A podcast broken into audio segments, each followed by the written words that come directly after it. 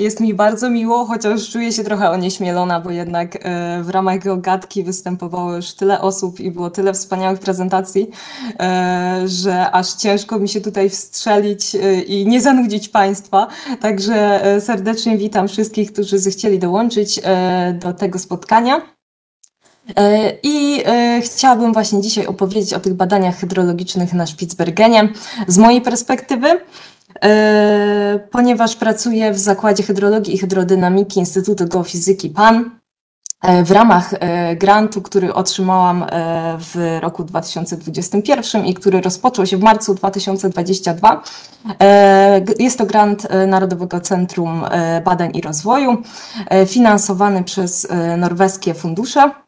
Także o tym wspomnę jeszcze za chwilę, ale e, chciałabym e, tą prezentację podzielić może na dwie części.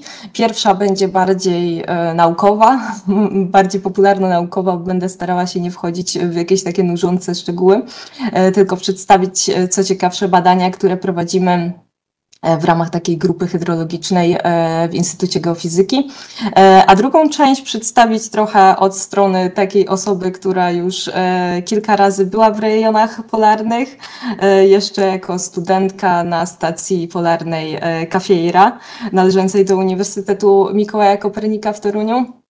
No i właśnie w ostatnim sezonie na stacji Instytutu Geofizyki w Horsundzie. Także będzie to trochę połączone e, części naukowe i nienaukowe. E, no ale żeby już e, przechodzić do sedna, chciałabym rozpocząć prezentację od szybkiego wprowadzenia. Także będę dzisiaj opowiadała o funkcjonowaniu zlewni rzecznych, które są bardzo, bardzo ważnym zjawiskiem, które określa nam, jak zachodzą te zmiany klimatu, jak oddziałują na tą część hydrologiczną w obszarach arktycznych. E, bo to rozpoznanie tych procesów hydrologicznych i ich zmian na Svalbardzie e, jest wciąż wymieniane jako jedna z tych najważniejszych potrzeb badawczych w Arktyce. Oczywiście zdaję sobie sprawę, że e, każdy, kto pracuje w jakiejś działce, uważa ją na, za najważniejszą i chyba tak właśnie powinno być. Dlatego właśnie robimy to, co lubimy i cały czas pracujemy w tych najbliższych nam tematach. E, temperatura wody właśnie jest tym parametrem, o którym chciałabym dzisiaj mówić i który ma znaczący wpływ na środowisko wodne, e, głównie pod względem chemizmu wody, ale też funkcjonowania fauny i flory słodkowodnej. Także dzisiaj skupimy się głównie na tym obiegu wody e, w zlewniach arktycznych, a szczególnie na temperaturze tej wody. E, I krótko o obszarze badań, już tutaj na pewno wiele razy było wspominane, e, gdzie są okolice Horsundu, e, także na południowym Spitsbergenie, największej wyspie archipelagu Svalbard, prowadzimy badania. Ja akurat skupiam się głównie na zlewni Fuglebeken oraz zlewni Arjebecken. Zlewnia Ariebeken jest e, zlodowacona. E, jest tam jeszcze e, dość mały lodowiec, który niestety z każdym sezonem zmniejsza się coraz bardziej oraz zlewnia Fuglebeken, która jest niezlodowacona i stanowi właśnie taki przykład zlewni, która coraz częściej występuje na Svalbardzie w związku właśnie z wycofywaniem się lodowców i tymi obszarami właśnie wolnymi od lodu gdzie nie ma właśnie dostawy tej e, stopnienia lodowca.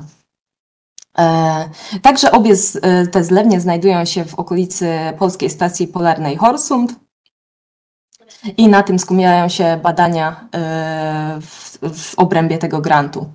E, także na stacji już od dłuższego czasu e, obecny jest monitoring hydrologiczny w Horsundzie. E, może było też już wcześniej parę słów na ten temat na pewno. Jednak ja chciałabym powiedzieć tutaj o danych, które są najbardziej potrzebne mi do pracy. E, I e, szczególnie tutaj korzystamy nie tyle z danych hydrologicznych, ale z danych meteorologicznych, które są dostępne już od 1978 roku, e, które są głównie wykorzystywane do modelowania na podstawie automatycznych danych, automatycznych pomiarów ze stacji pogodowej. Tutaj korzystam głównie z Vaisali, gdzie są dane z interwałem jednominutowym oraz dane z deszczomierzów Tutaj w tym przypadku akurat głównie korzystam z Helmana, ale z tym pomiarem opadów jest dosyć duży problem zwykle, dlatego często te pomiary, które wykorzystujemy do modelowania są wykorzystywane z różnych aparatur pomiarowych, także nie jest to jeden deszczomierz, tutaj nie będę się wdawała w szczegóły. E, jeśli chodzi o dane hydrologiczne, to tutaj od e, roku 2014 e, jest zainstalowany przepływomierz NIWUS. Było to z inicjatywy Tomka Wawrzyniaka, mojego promotora, którego serdecznie pozdrawiam razem z Marzeną Osób, która też jest moją promotorką i akurat prowadzą badania na Spitsbergenie od paru dni, także zazdroszczę im bardzo i, i mam nadzieję, że im dobrze idzie. I w 2018 e, roku Arjebecken. E, także te pomiary przepływu są prowadzone z 10-minutowym interwałem czasowym.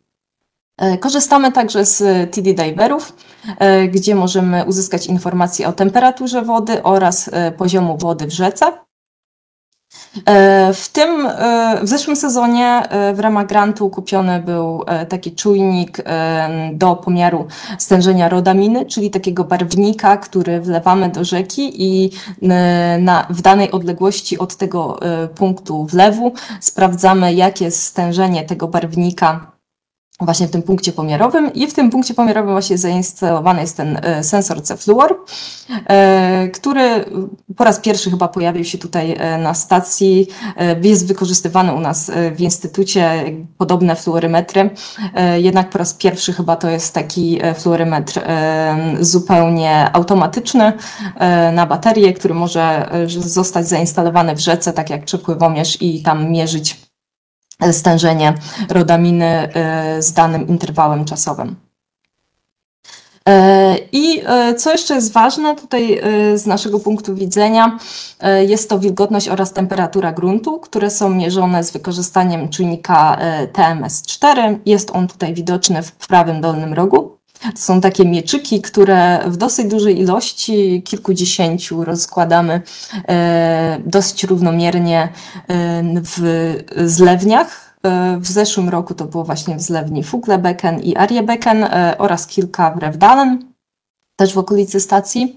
E, no i właśnie tutaj na zdjęciach jeszcze możemy zobaczyć właśnie ten czujnik ze Fluor, TD Diver e, i przepływomierz, także takim sprzętem dysponujemy. E, I co jest jeszcze ważne, to są naloty dronem z wykorzystaniem kamery termalnej oraz kamery RGB, tak żeby mieć tą zmienność przestrzenną w, no tylko w tych momentach, kiedy jesteśmy e, w stanie e, zrobić takie naloty, czyli kiedy jesteśmy w stacji e, i kiedy jest przede wszystkim ładna pogoda. Ale daje nam to też bardzo ciekawą informację o tym, jak zmienia się ta przestrzenna zmienność czy temperatury gruntu, czy można później też z tego określić jakieś wskaźniki wegetacyjne bądź wilgotność gruntu. E, I tutaj po lewej stronie z kolei można zobaczyć takie migawki e, z Fuglebecken, czyli tej zlewni niezlodowaconej e, w roku 2014, gdzie po czasie tutaj w ciągu sezonu letniego przepływ tak naprawdę ustał, co było dość nietypowe, ale takie sytuacje też się zdarzają. Że rzeczywiście latem tej wody jest mniej, także te, te zmiany są dosyć szybkie, dosyć e, drastyczne i tak naprawdę każdego sezonu nie wiemy czego się spodziewać. E, co, co zawsze właśnie jest jakąś niespodzianką i czasem może nam zepsuć e, plany pomiarowe, ale no, liczymy na to, że jednak ta woda będzie płynąć i będziemy mieli okazję do pomiarów. Także może szybko tutaj przedstawię co wpływa na tą temperaturę oraz y, ilość wody. E, otóż jest to głównie promieniowanie słoneczne, e, które ogrzewa e, grunt i ogrzewa wodę, także to ma bardzo duży wpływ tego promieniowania słonecznego. Zwykle jest, jest, jest ono bardzo zróżnicowane, także Zdarzają się dni z, z dosyć dużym usłonecznieniem, ale też bywają, bywa szereg dni, kiedy tego słońca praktycznie nie ma i jak później zobaczymy, ma to e, bardzo duży wpływ na temperaturę wody. Ważna jest też temperatura powietrza, e, chociaż jej wpływ jest taki pośredni i ciężko go określić. ze względu na to, że właśnie temperatura powietrza ogrzewa głównie grunt E, I tutaj łatwiej jest znaleźć e, analogię, także temperatura gruntu to jest e, kolejny taki czynnik wpływający na temperaturę wody. Jest też pokrywa śnieżna. Ta pokrywa śnieżna osiąga swoje maksimum przed sezonem topnienia, sezonem ablacyjnym, czyli gdzieś w maju tej pokrywy śnieżnej jest najwięcej. I kiedy zaczyna się już ten aktywny przepływ w rzekach lodowcowych, czy rzekach właśnie tutaj jak Fuglebecken w zlewninie zlodowaconej, E, topnienie tej pokrywy śnieżnej ma też e, bardzo duży wpływ, szczególnie właśnie w czerwcu. E, głównie jest to pierwsza połowa bądź druga połowa czerwca. Co jest ważne, to też opad atmosferyczny, e, ale tutaj e, również e, powiązania są takie dość pośrednie, także tutaj jest to też wpływ, ale może nie tak znaczący jak w przypadku pozostałych wskaźników. Jest to również lodowiec, jeżeli jest obecny w zlewni lodowiec e, bardzo silnie wpływa na temperaturę wody, ponieważ ta e, woda, która topnieje z lodowca ma dużo niższą temperaturę niż na przykład woda opadowa czy wypływ wód gruntowych. E, ważną e, informacją jest, jest też zawiesina rzeczna. Tutaj e, stopień nagrzewania się takiej zawiesiny, gdy są to na przykład, tak jak w takich rzekach arktycznych, dosyć duży materiał, takie kamienie dość mocno się nagrzewają i jednocześnie nagrzewają też wodę, są transportowane, w związku z tym, że e, w razie dużych nawalnych opadów, te, nawet takie większe e, materiały są transportowane i wpływają właśnie na tą temperaturę wody. Jest to też parowanie. E, ale tutaj też parowanie w regionach arktycznych jest dość trudne do określenia. E, tutaj też e, akurat nie ja się tym zajmuję, ale koleżanka tutaj też z grupy hydrologicznej może też kiedyś coś opowie na ten temat, bo jest to bardzo ciekawe i parowanie jest bardzo niedoszacowane w tych rejonach. Głównie opiera się na wykorzystywaniu jakichś równań matematycznych, a tak naprawdę brakuje takich pomiarów in situ i takie pomiary tak naprawdę zostały rozpoczęte w zeszłym roku w ramach grantu e, Marzyny Osób Sonatabis. E, także tutaj coraz więcej tych czynników jest badanych e, w dokładny sposób i mam nadzieję, że właśnie przyniosą informacje o tym funkcjonowaniu zlewni dzięki tym pomiarom w terenie. I co jeszcze jest taką nowością e, z zeszłego roku, to są eksperymenty znacznikowe, e, do których wykorzystywany jest, e, do analizy których jest wykorzystywany model OTIS. E, tutaj nie będę się e, w szczegóły wgłębiała, jak funkcjonuje ten model, ale e, bardziej w te eksperymenty w terenie, które obejmują 10 wlewów, obejmowały w 2022 roku 10 wlewów rodaminy, tego barwnika, o którym wspominam, we wrześniu 2022 w terminie 20-24 września. I były to dwa wlewy w ciągu dnia, jeden rano, jeden wieczorem przy różnych, różnych warunkach przepływu, e, co też jest ważne, przy różnych warunkach meteorologicznych, hydrologicznych. E, I było to 10 ml e, rodaminy i ten punkt, pomiaro, punkt wlewu, a punkt pomiarowy dzieliło 300 metrów. E, także mogliśmy sprawdzić, co się dzieje e, na tym odcinku. E, I tak jak wspominałam, właśnie podczas, staraliśmy się, by to było wykonywane podczas różnych warunków hydrologicznych, meteorologicznych. I tutaj na zdjęciu można zobaczyć właśnie wlew tej rodaminy. To jest taki bardzo intensywny kolor, którego nie da się przeoczyć, ale nie jest w żaden sposób trujący. E, tutaj bezpiecznie można, e, takie jak tu widać, dosyć małe te wartości 10 ml rodaminy spokojnie wlewać, aby uzyskać informacje o tym, jak wygląda przepływ w zlewni.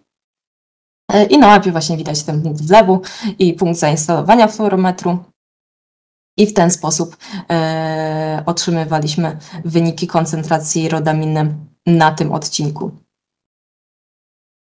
E, I przechodząc do wyników tych badań hydrologicznych, które mieliśmy okazję w zeszłym roku przeprowadzać, e, Sprawdzaliśmy korelację różnych e, parametrów meteorologicznych i hydrologicznych, które mogą wpływać na temperaturę wody. Tutaj przykładowo jest pokazany przebieg temperatury gruntu, promieniowania oraz przepływu i temperatury wody w sezonie letnim 2020 akurat, bo ostatecznie ten sezon okazał się najbardziej przydatny. E, do modelowania takiej temperatury wody.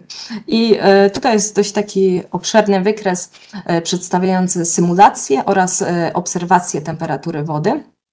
E, a modelowanie było wykonane e, z użyciem modelu MISO opartym na e, funkcji przejścia, która właśnie ten model łączy w sobie takie funkcje statystyczne, ale jednocześnie bardzo mocno opiera się na danych. I aby uzyskać takie symulacje dla temperatury wody, tak naprawdę potrzebujemy dosyć dużo danych pomiarowych, tak aby e, model móc skalibrować, e, czyli nauczyć model e, powiązań pomiędzy różnymi parametrami, a wynikową wartością temperatury wody. E, I tutaj e, najlepszy, najlepszy wynik miały kalibracje na sezonie 2020, a pozostałe te, więc jest to wynik kalibracji, a pozostałe ryciny przedstawiają Pozostałe wykresy przedstawiają e, wyniki walidacji, czyli sprawdzenia e, tego modelu na pozostałych latach. I tutaj dane e, takie pomiarowe temperatury wody są dostępne od 2012 roku do 2022 z tego czynnika TD Diver, o którym wspominałam, e, i aby określić zgodność e, symulacji z obserwacjami, e, wykorzystywana jest funkcja celu, w tym przypadku Clean Group Efficiency, ale tutaj nie ma większego to znaczenia, jaka to jest funkcja celu, jednak jaka jest jej wartość, a więc im bliższa jest wartość 1, wartości 1, tym lepiej, tym lepszy jest model. Jeśli byłaby to wartość 1, w takim razie model działał byłoby idealnie. I e, na co nam tak naprawdę pozwala e, takie modelowanie temperatury wody? Pozwala nam e, sprawdzić, jaka była temperatura wody, jeżeli wiemy, że na danym okresie, kiedy mamy te dane pomiarowe, model działa dobrze, to możemy z pewną dozą pewności określić, że działa też dobrze na takich danych, gdzie mamy tylko te wartości wsadowe do modelu, a nie mamy informacji o tym, jaka była ta temperatura wody, więc chcemy właśnie tego się dowiedzieć jak w przyszłości, bądź w przyszłości będzie wyglądała temperatura wody. E, I aby to otrzymać, e, należałoby użyć e, trochę więcej takich różnych sposobów. Także tutaj były jeszcze inny model wykorzystywany. E, na podstawie uczenia maszynowego e, Gaussian Process Regression.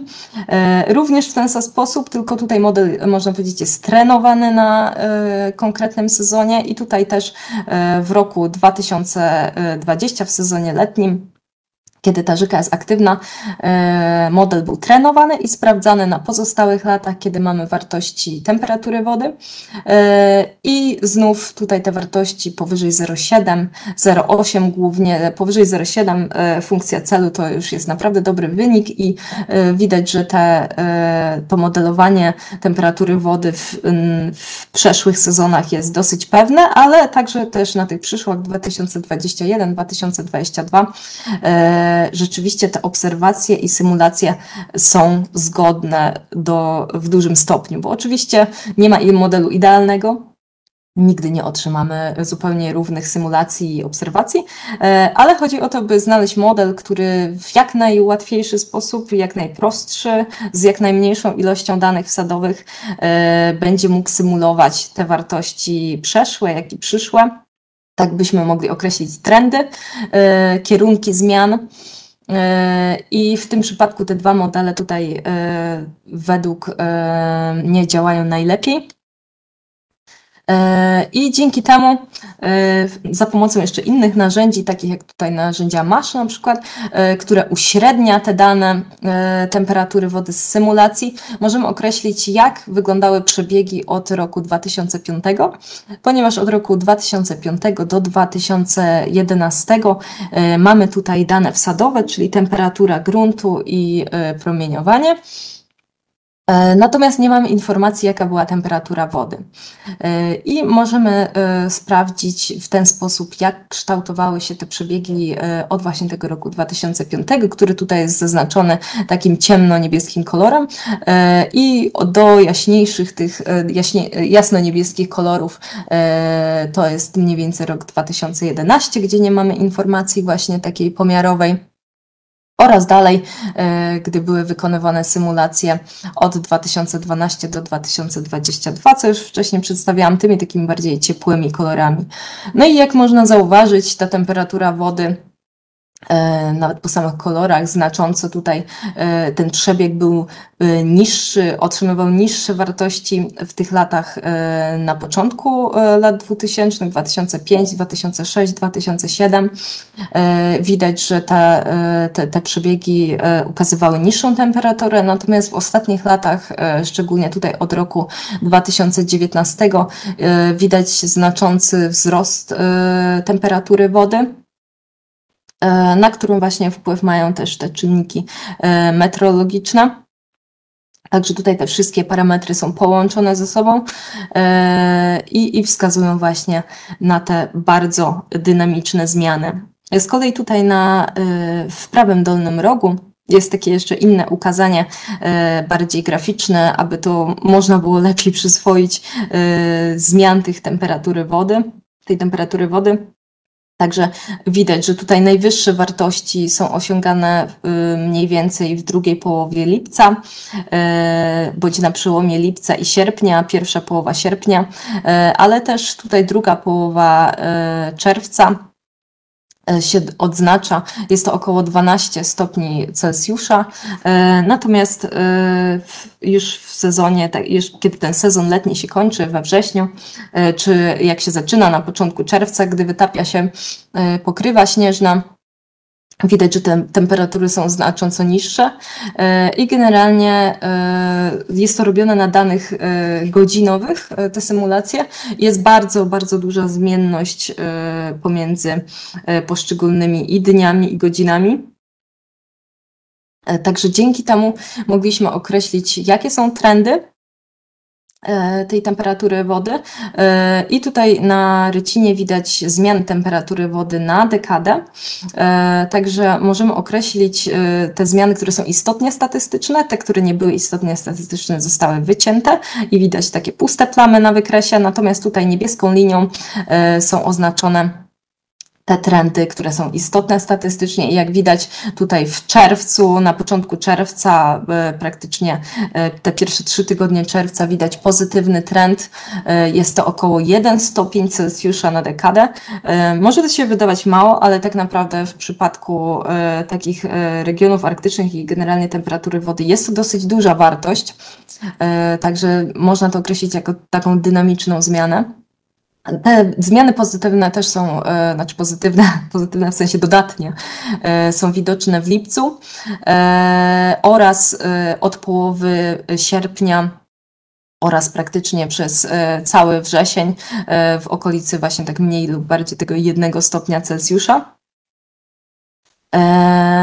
I przechodząc też jeszcze do eksperymentów znacznikowych, y, które były wykonywane, tutaj też korzystaliśmy z symulacji, które mogłyby nam podać jakąś informację o tym, jak ta woda przepływa w zlewni. E, czy są jakieś miejsca, w których jest bardziej retencjonowana, e, czyli zatrzymywana e, w gruncie, czy może są jakieś dopływy wód gruntowych. I tutaj właśnie po raz pierwszy robiliśmy takie eksperymenty sprawdzając e, w jaki sposób ta woda przepływa. No i tak e, biorąc pod uwagę różne warunki hydrologiczne, tutaj przy bardzo małym przepływie, tutaj na obu rycinach widać e, wartość przepływu około 27-29 litrów na sekundę z dnia tutaj 21 września e, z e, pomiarów rano i wieczorem e, możemy zauważyć, że model, bardzo, model Otis, o którym wspominałam, bardzo dobrze wychwytuje te koncentracje rodaminy i na podstawie parametrów, tutaj też nie wchodząc w szczegóły tego modelu, możemy określić w jaki sposób jest, w jaki sposób funkcjonuje zlewnia. Czy właśnie ta woda jest gdzieś retencjonowana, czy ten przepływ jest szybszy, przy jakich warunkach, czy jeśli przepływ jest większy, to, to retencjonowanie jest mniejsze. No i tutaj jak widać, jaki ten przepływ jest mniejszy, to ten pik tej, tego, tej koncentracji rodaminy Tutaj oznaczone właśnie kółk, tymi czarnymi kółkami to są obserwacje, a niebieskim symulacje.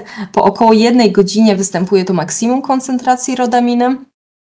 E, godzinie z, z kawałkiem przy takich e, niskich wartościach przypływu, e, kiedy właśnie tutaj na początku jeszcze było zamarznięte. Teraz już jest rozmarznięte, mamy dzień 23 września i przepływ jest dużo większy. Tutaj jest około 150-140 litrów na sekundę i wiemy już, że ten maksimum tej koncentracji tego barwnika rodaminy występuje po około pół godzinie. E, także ten przepływ jest bardziej powierzchniowy. E, tutaj retencja ma mniejsze znaczenie. Jak i widać, że tutaj to stężenie rodaminy, takie końcowe, e, schodzi bardziej do zera czyli ten cały barwnik nie został gdzieś zatrzymany, tylko właśnie z tym dosyć dużym prądem został dalej przemieszczone aż do punktu e, pomiarowego i tutaj ta retencja w tych martwych strefach, czyli tych miejscach, gdzie, gdzie jest taki zatrzymany, uwięziony ten barwnik raczej nie występowała. Ale tak jak mówię, to są na razie początki takich e, badań. Będziemy sprawdzać przy innych e, wartościach przepływu, w innych miejscach i w wielu miejscach tak naprawdę w zlewni. I będziemy sprawdzać, jak w różnych miejscach właśnie wyglądają te to e, funkcjonowanie rzeki. E, także w tym roku się szykujemy na pomiary z kolei w czerwcu e, i prawdopodobnie też jesienią kolejne i zobaczymy jak to wygląda na początku sezonu, kiedy właśnie tutaj jeszcze jest ta obecność pokrywy śnieżnej. No i co jeszcze tak naprawdę robimy, to sprawdzamy ile tej wody płynie. E, i jak to się zmienia, jak zmienia się długość e, sezonu hydrologicznego. E, no i tutaj też zmiany są bardzo, bardzo znaczące. Tutaj są wyniki przedstawione dla, dla zlewni niezlodowaconej i widać też istotnie statystycznie, istotne statystycznie zmiany.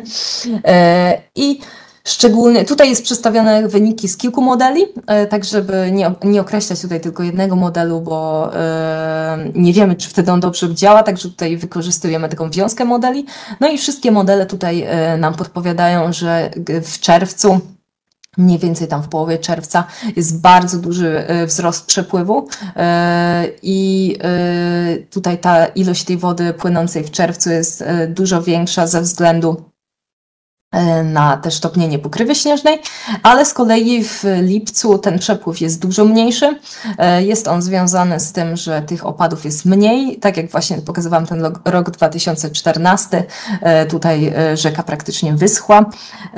W tym miejscu na, wyschła w tej zlewni Fuglebecken Natomiast co jest takie też bardzo interesujące, to tego przypływu, przepływ jest dużo bardziej intensywny e, w sezonie jesiennym. E, gdzieś tam we wrześniu, w październiku nawet e, zdarza się, że i w listopadzie, co kiedyś tak naprawdę było nie do pomyślenia, żeby w listopadzie jeszcze rzeka była aktywna na, aktywna na Spitsbergenie. Natomiast teraz poprzez te opady, które kiedyś były już jesienią bardziej stałe, to były opady śniegu. Teraz głównie to są opady ciekłe, opad atmosferyczny właśnie tutaj e, na nowo zasila rzekę i sprawia, że ta rzeka jest aktywna dużo dłużej niż była kiedyś. No i tutaj jest porównanie właśnie od 1979 do 2020 e, roku. Kolorami tutaj są oznaczone różne modele i tak naprawdę wszystkie wskazują, że w tych początkowych latach tego okresu od 1979 ten e, okres hydrologiczny, e, sezon hydrologiczny był dużo krótszy E, bo tutaj jest e, właśnie oznaczone, kiedy się zaczynał i kończył. E, także tutaj widać, że ten w ostatnich latach okres hydrologiczny jest znacznie dłuższy. E, tutaj akurat wyjątkiem był 2021, gdzie e, jednak e, trochę krócej trwał ten sezon hydrologiczny. No ale możemy tutaj stwierdzić, że jeżeli wiązka modeli tutaj podobnie sprawdza, podobnie nas informuje o tych trendach, to rzeczywiście takie zmiany mają miejsce. Także na podstawie tych wyników modelowania przypływu możemy określić, jak, jak się zmienia początek, jak zmienia się koniec sezonu hydrologicznego. No i tutaj, tak jak wspominałam, na podstawie tych czterech modeli Widzimy, że e, na dekadę średnio o 14 dni szybciej e, e, ten trwa 14 dni dłużej ten okres z przepływem aktywnym. Natomiast data rozpoczęcia sezonu, czyli gdzieś tam czerwiec, zwykle to jest, rozpoczyna się 5 dni wcześniej. No i na podstawie tych modeli możemy też określić, że około 10 dni później następuje to ustanie przepływu. E, co jest oczywiście skorelowane właśnie z temperaturą e, powietrza e, i nie tylko z opadami, z tymi zmianami tych warunków meteorologicznych, bo tak jak też widzimy, te dni właśnie z pozytywną, z tym najdłuższym okresem pozytywnej temperatury, czyli powyżej zera, rosną, coraz dłuższe są te okresy w ciągu lata. I związane jest to też właśnie z tym wydłużeniem tego okresu hydrologicznego. E, ale to, co jeszcze robimy, to sprawdzamy, e, jak się, e, czy te nasze symulacje tak naprawdę poza okresem pomiarowym, czyli gdzieś tam jak zdejmujemy sprzęt we wrześniu, nie wiemy, co się dzieje właściwie w październiku, w listopadzie, więc jeżeli w symulacjach wychodzą nam jakieś dziwne piki, no staramy się to sprawdzić. Jedną z tych metod jest właśnie korzystanie ze zdjęć pokładkowych. I tutaj e, zdjęcia pokładkowe z zlewni Fuglebecken. E, tutaj jest akurat listopad 2016 i możemy zobaczyć, że 6 listopada 2016 tutaj była totalna zima. E, już nikt się nie spodziewał, że rzeczywiście cokolwiek będzie płynąć. Natomiast w tych symulacjach w 2016 wychodził nam taki dosyć duży pik. Praktycznie w każdym modelu się pojawiał taki pik przypływu, no, który był bardzo znaczący. No i sprawdziliśmy to na zdjęciach pokładkowych, e, że rzeczywiście tak było, że tutaj zlewnia znowu e, funkcjonuje, znowu przepływ jest aktywny, e, także tutaj nasze modele się nie myliły. No i tak naprawdę potrzebujemy jeszcze więcej tych danych, e, różnych właśnie źródeł, e, dzięki którym możemy sprawdzać, e, czy to, co przewidujemy, rzeczywiście ma miejsce. No i w przyszłości tak naprawdę będziemy mogli sprawdzać, czy te symulacje, te przyszłe, miały sens. Jeżeli mają sens na danych teraźniejszych i przeszłych, sądzimy, że razem ze zmieniającym się klimatem te symulacje też będą prawdziwe dla warunków przyszłych. E, no i co możemy, jakie e, na podstawie danych tych przeszłych określić, jakie trendy dla różnych zlewni, w zależności czy są zlodowacone, czy nie. E, to tutaj mamy porównanie zlewni Fuglebecken, która jest niezlodowacona zielonym kolorem, Ariebecken czarnym kolorem, która jest zlodowacona w 11,5%, czerwonym Bratekbecken w 6% zlodowacona i Breelwa zlodowacona w 61%. I analizując te trendy, możemy zobaczyć, że tutaj e, w lipcu ten przepływ jest większy, dużo, dużo większy e, w przypadku tych zlewni zlodowaconych, czyli tutaj e, następuje wytapianie tej pokrywy śnieżnej, ale też wytapianie z lodowca. Natomiast w przypadku tej zlewni niezlodowaconej tutaj te zmiany są troszkę mniejsze. E, no i w zależności właśnie od zlodowacenia, e, jak duże jest zlodowacenie zlewni, tutaj te zmiany są e, bardziej lub mniej intensywne. Dla zlewni bardziej zlodowaconych te zmiany są bardziej intensywne. No i tutaj właśnie dla Breelwy, która jest zlodowacona w 60 ponad procentach, te zmiany również na jesień są bardzo widoczne, bo tutaj nadal występuje bardzo wysoka temperatura i właśnie to wytapianie lodowców e, nadal następuje. Do tego dochodzi właśnie e, obecność tych opadów atmosferycznych, które również wymywają i dostarczają tutaj wodę do, do zlewni. I te zmiany właśnie tutaj, szczególnie to wydłużenie też tych sezonów hydrologicznych dzięki tej podwyższonej temperaturze wody jest bardzo widoczne. E, no i e, to właściwie byłoby tyle z tej części takiej e, naukowej. A co tak naprawdę jest, co nas tak ciągnie do tych obszarów, to myślę, że są też takie wyzwania nienaukowe. E, I tutaj chciałam e, przedstawić parę takich e, migawek z życia na stacji. Także nie wszystko się kręci wokół badań. Tutaj akurat głównie będą zdjęcia z Cafeire, jako że tam trzy razy, trzy sezony po dwa, dwa i pół miesiąca, czasem trzy miesiące spędziłam w ciągu lata. Także tutaj tych zdjęć było znacznie więcej. W, w Forsundzie byłam tak naprawdę tylko trzy tygodnie.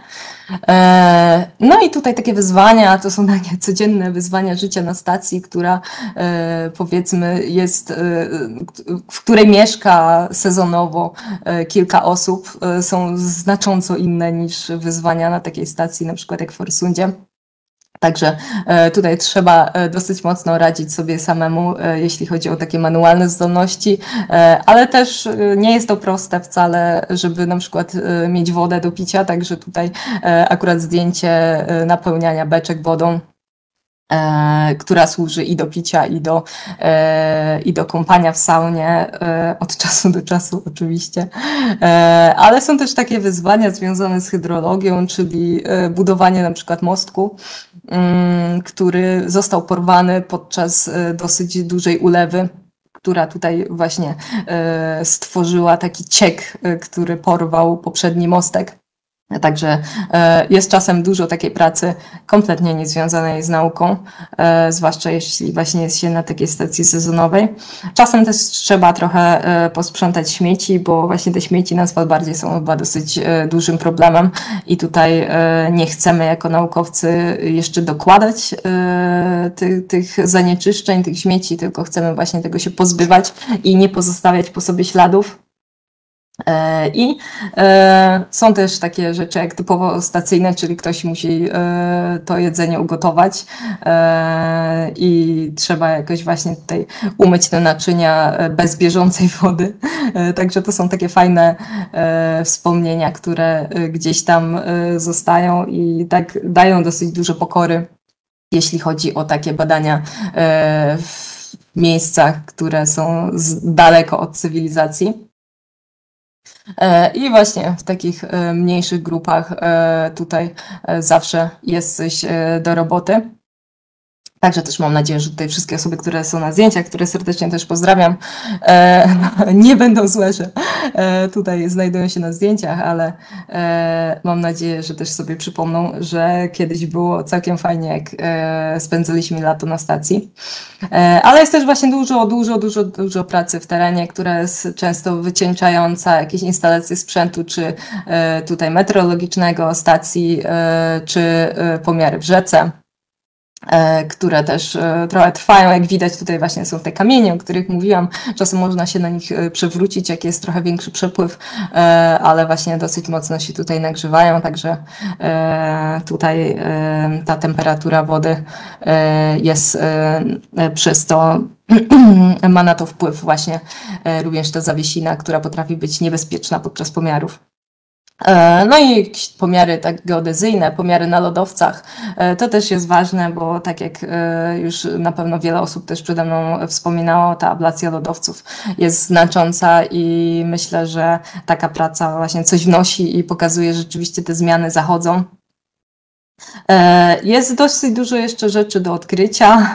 Nowe rzeczy się pojawiają na lodowcu. E, tutaj widać e, zdjęcie z taką dosyć dużą szczeliną na lodowcu, która się pojawiła po którymś tam sezonie, chyba w 2017 czy w 2018, której w poprzednim sezonie nie było. Jest dużo do przejścia, ale w bardzo ładnych e, okolicznościach przyrody. E, także czasem zdarza nam się przekraczać takie rzeki, które są bardziej płytkie, które są e, trochę bardziej porywiste, mają większy nurt. E, dlatego trzeba uważać. E, właśnie mi kiedyś zdarzyło się, szczerze mówiąc, na pierwszym wyjściu na lodowiec wpaść do takiej rzeki na lodowcu. E, jest okropnie zimna, I, I właśnie trochę się poturbować i, i z, y, wtedy akurat miałam y, chyba pęknięte kolano, nie wiem, ale y, musiałam się tak bujać przez właściwie dwa miesiące. No i właśnie trzeba też wtedy nawet z takim złamanym, czy, czy złamaną kostką, czy jakimś obitym kolanem, czy jakąś inną jeszcze wadą, trzeba się jednak uciekać przed niedźwiedziami, a raczej nie uciekać, tylko powoli się oddalać. I zachowywać bezpieczną odległość. Także jakby co, adrenalina działa i nie ma żadnego problemu nie czuję się już żadnego bólu, e, kiedy taki niedźwiedź nas ściga. E, no i jest właśnie e, dużo takich pomiarów, które też przeprowadzamy za pomocą pontonów, zodiaków głównie, gdzie możemy się wybrać trochę poza stację i również zrobić pomiary w jakimś dalszym zakątku. No i co jest fajne na tych e, wyprawach, to przede wszystkim są ludzie. E, zdecydowanie jak się spędza e, czas takie całe lato bez, bez dostępu do internetu, do, do telefonu, można naprawdę poznać dużo wartościowych ludzi i tak naprawdę nie tracić czasu na jakieś tam spoglądanie w telefon, a tak naprawdę te kontakty rzeczywiście międzyludzkie i trzeba się rzeczywiście dogadać, ale to jest właśnie ta taka najprzyjemniejsza część pracy. E, także zawsze za każdą wyprawą, za każdym wyjazdem e, poznaje się ludzi, z których jednych się lubi bardziej, innych się lubi mniej, ale tak naprawdę to uczy takiej pokory i współpracy e, międzyludzkiej, która no, często trwa lata i tak naprawdę później przynosi tylko fajne wspomnienia. No i co jest fajne, to właśnie to, że jest dużo takich miłych wspomnień, dużo fajnych widoków, które później się pamięta.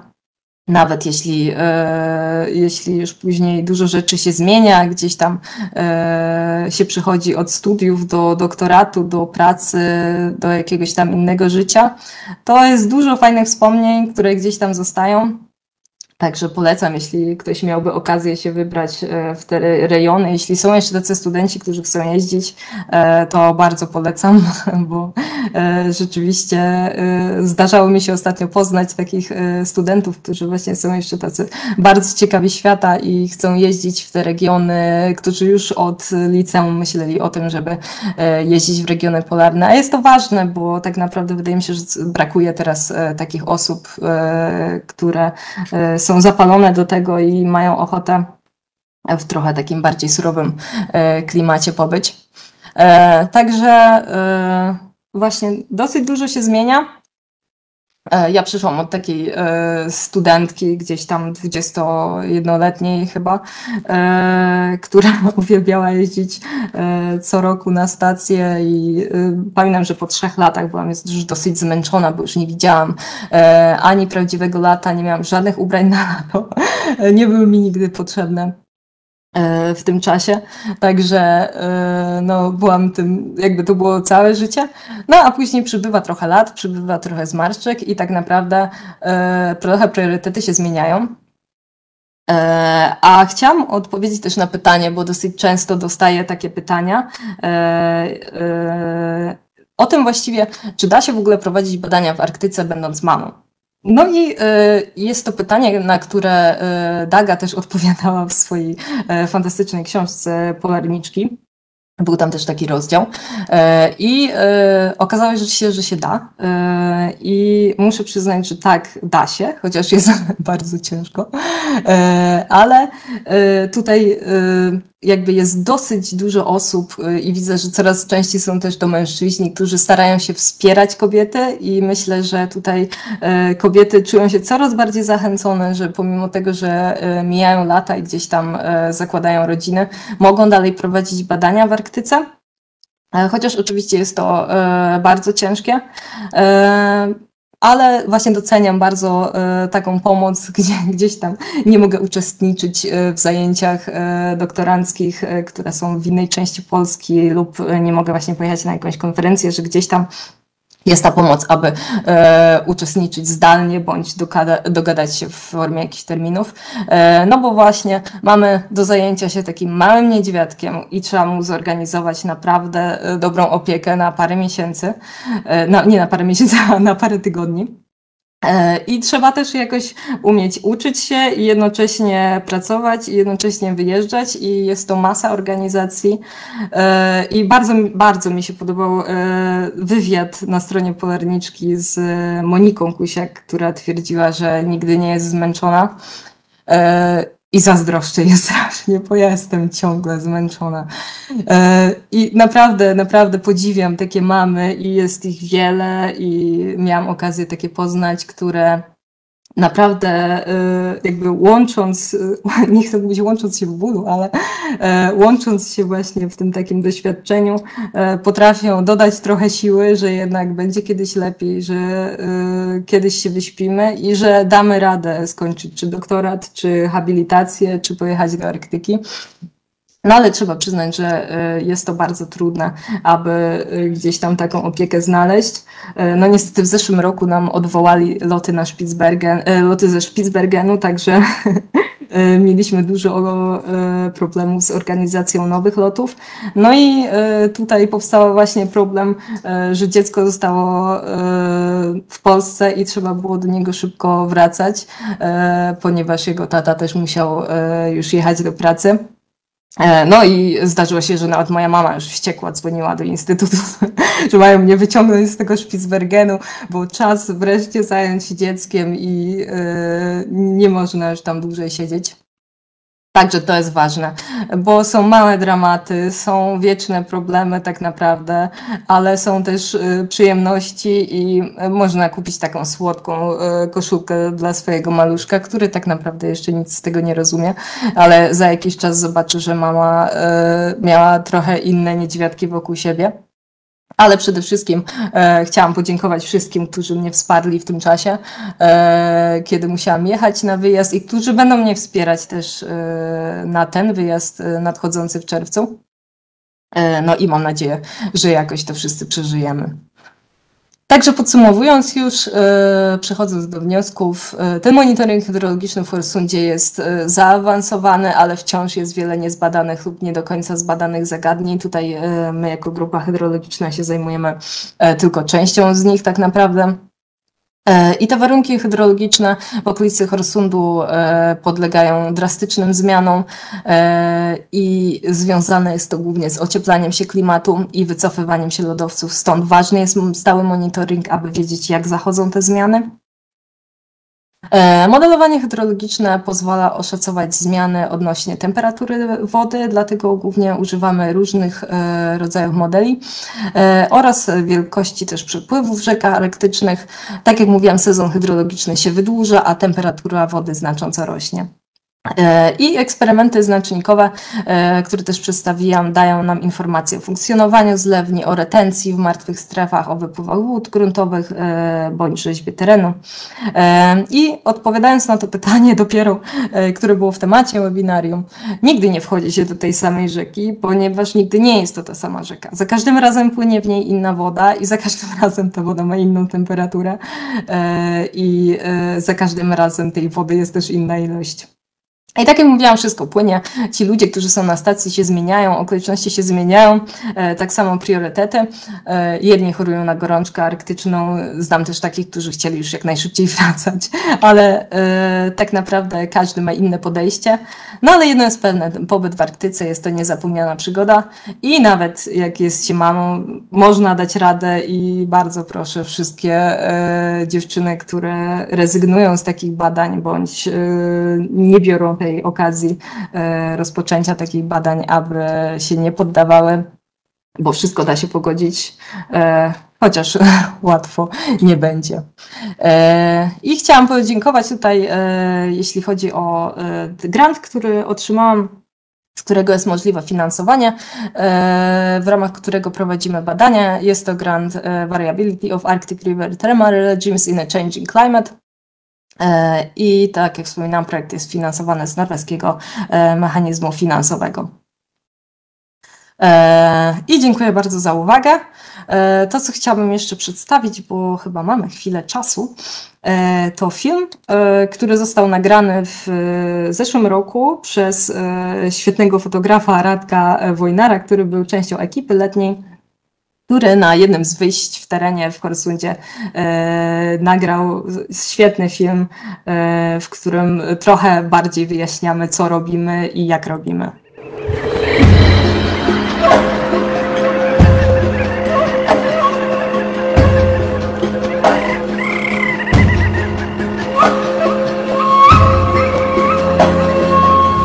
Cześć, nazywam się Marzena, e, pracuję w Instytucie Geofizyki Polskiej Akademii Nauk i jestem hydrologiem. To znaczy, że zajmuję się wodą.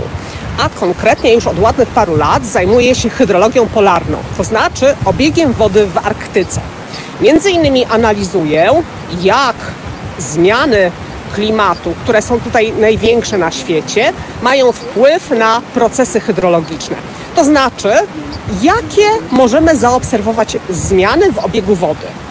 E, na przykład jest to, jak długo rzeki są aktywne, kiedy występują przepływy e, maksymalne, czy są przepływy niżówkowe, e, czy widzimy wpływ tutaj zmian wieloletniej zmarzliny oraz e, zmiany właśnie wpływ zmian klimatu pod wpływem zmiany e, lodowców.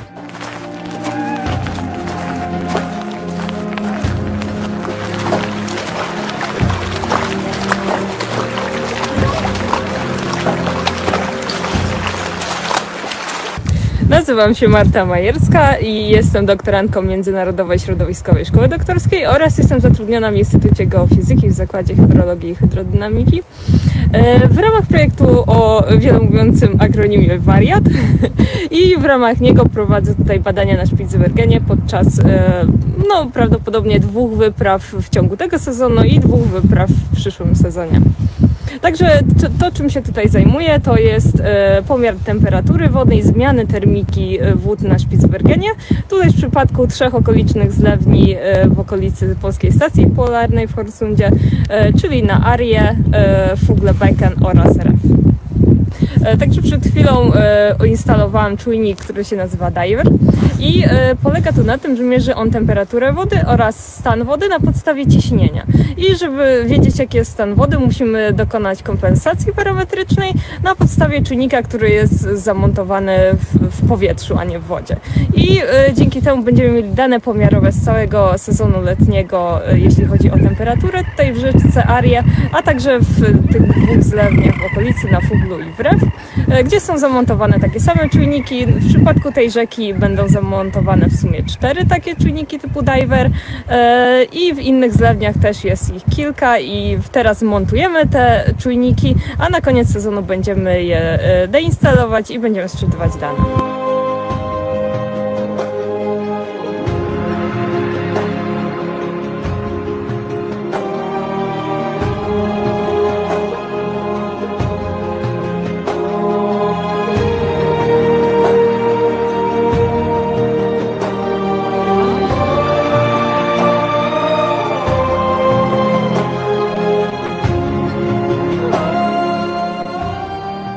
Test. Uh, I'm, I'm Abhishek Bhai Alphonse from, from India. So I'm a PhD student at the Institute of Geophysics at Polish Academy of Sciences in Warsaw. So I'm now at Spitsbergen Island. So here we have uh, several in-situ measurements, part of my PhD project. So we have uh, such um, uh, instruments such as evapometers, such as uh, media stations. So we are going to use these devices to uh, to check how the areas affected by the climate changes. So, as we know, the uh, the Arctic changes is affected by six times the global average. So, we're going to study how it affects two catchments in this area. So, one is Aria Becken, where, where you're standing, and other one is Fugler Becken. So, and so for for me, it's like from coming from India to the polar regions is a huge huge change because I'm near. I'm technically I'm from near the equator, so coming to the polar regions to study up more of the uh, polar climate, it's a huge uh, challenge and huge uh, opportunity for me to do it well and, and under the guidance of super, uh, super PhD uh, advisors. So, and yeah, so moving into Arctic, moving into Spitsbergen Island, so it's a really good experience because we are staying at the Polish Polar Station in Onsund, so which uh, where I met many friends. So which is a huge opportunity to meet people, to discuss their work, and and now we are here. So to be this is to be continued for many years to come. I hope. Dlaczego jesteśmy tu- tutaj właśnie całą dużą grupą? E, W poprzednim roku uzyskałam taki duży projekt na stworzenie nowego zespołu badawczego, który się będzie wa- zajmował hydrologią polarną. E, Do tego zespołu zostały wybrane tutaj najlepsze osoby, które właśnie będą analizowały ten temat. Teraz już jesteśmy tutaj przez ponad dwa tygodnie i instalujemy różnorodny sprzęt pomiarowy. Między, między innymi zainstalowaliśmy urządzenia do pomiaru przepływu, stacje meteorologiczne, e, urządzenia do pomiaru parowania, czy też wiele różnych innych urządzeń, które będą teraz nam działały przez cały rok, a następnie we wrześniu tutaj się pojawimy, żeby zebrać te urządzenia, sczytać dane i zabezpieczyć urządzenia przed zimnem, przed zimą. Na tej podstawie potem już w biurze, e, w pracy będziemy opracowywali te dane i będziemy analizowali, jak wygląda obieg wody w Arktyce.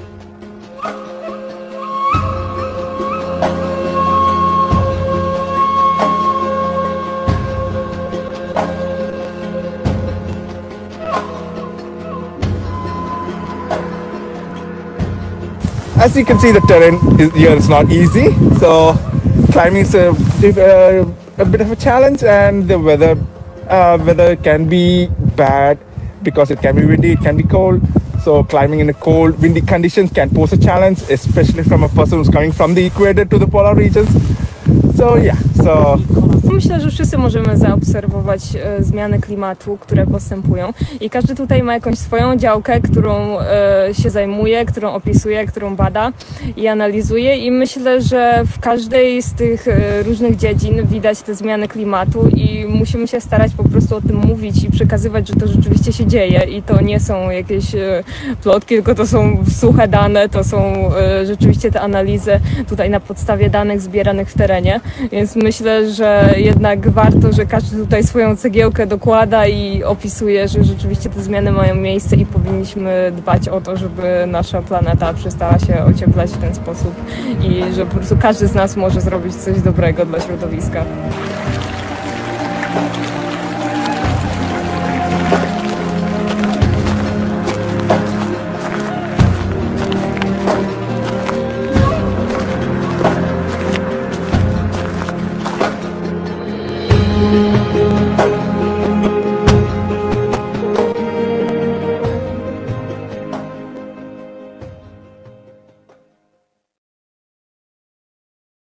Także dziękuję bardzo jeszcze raz.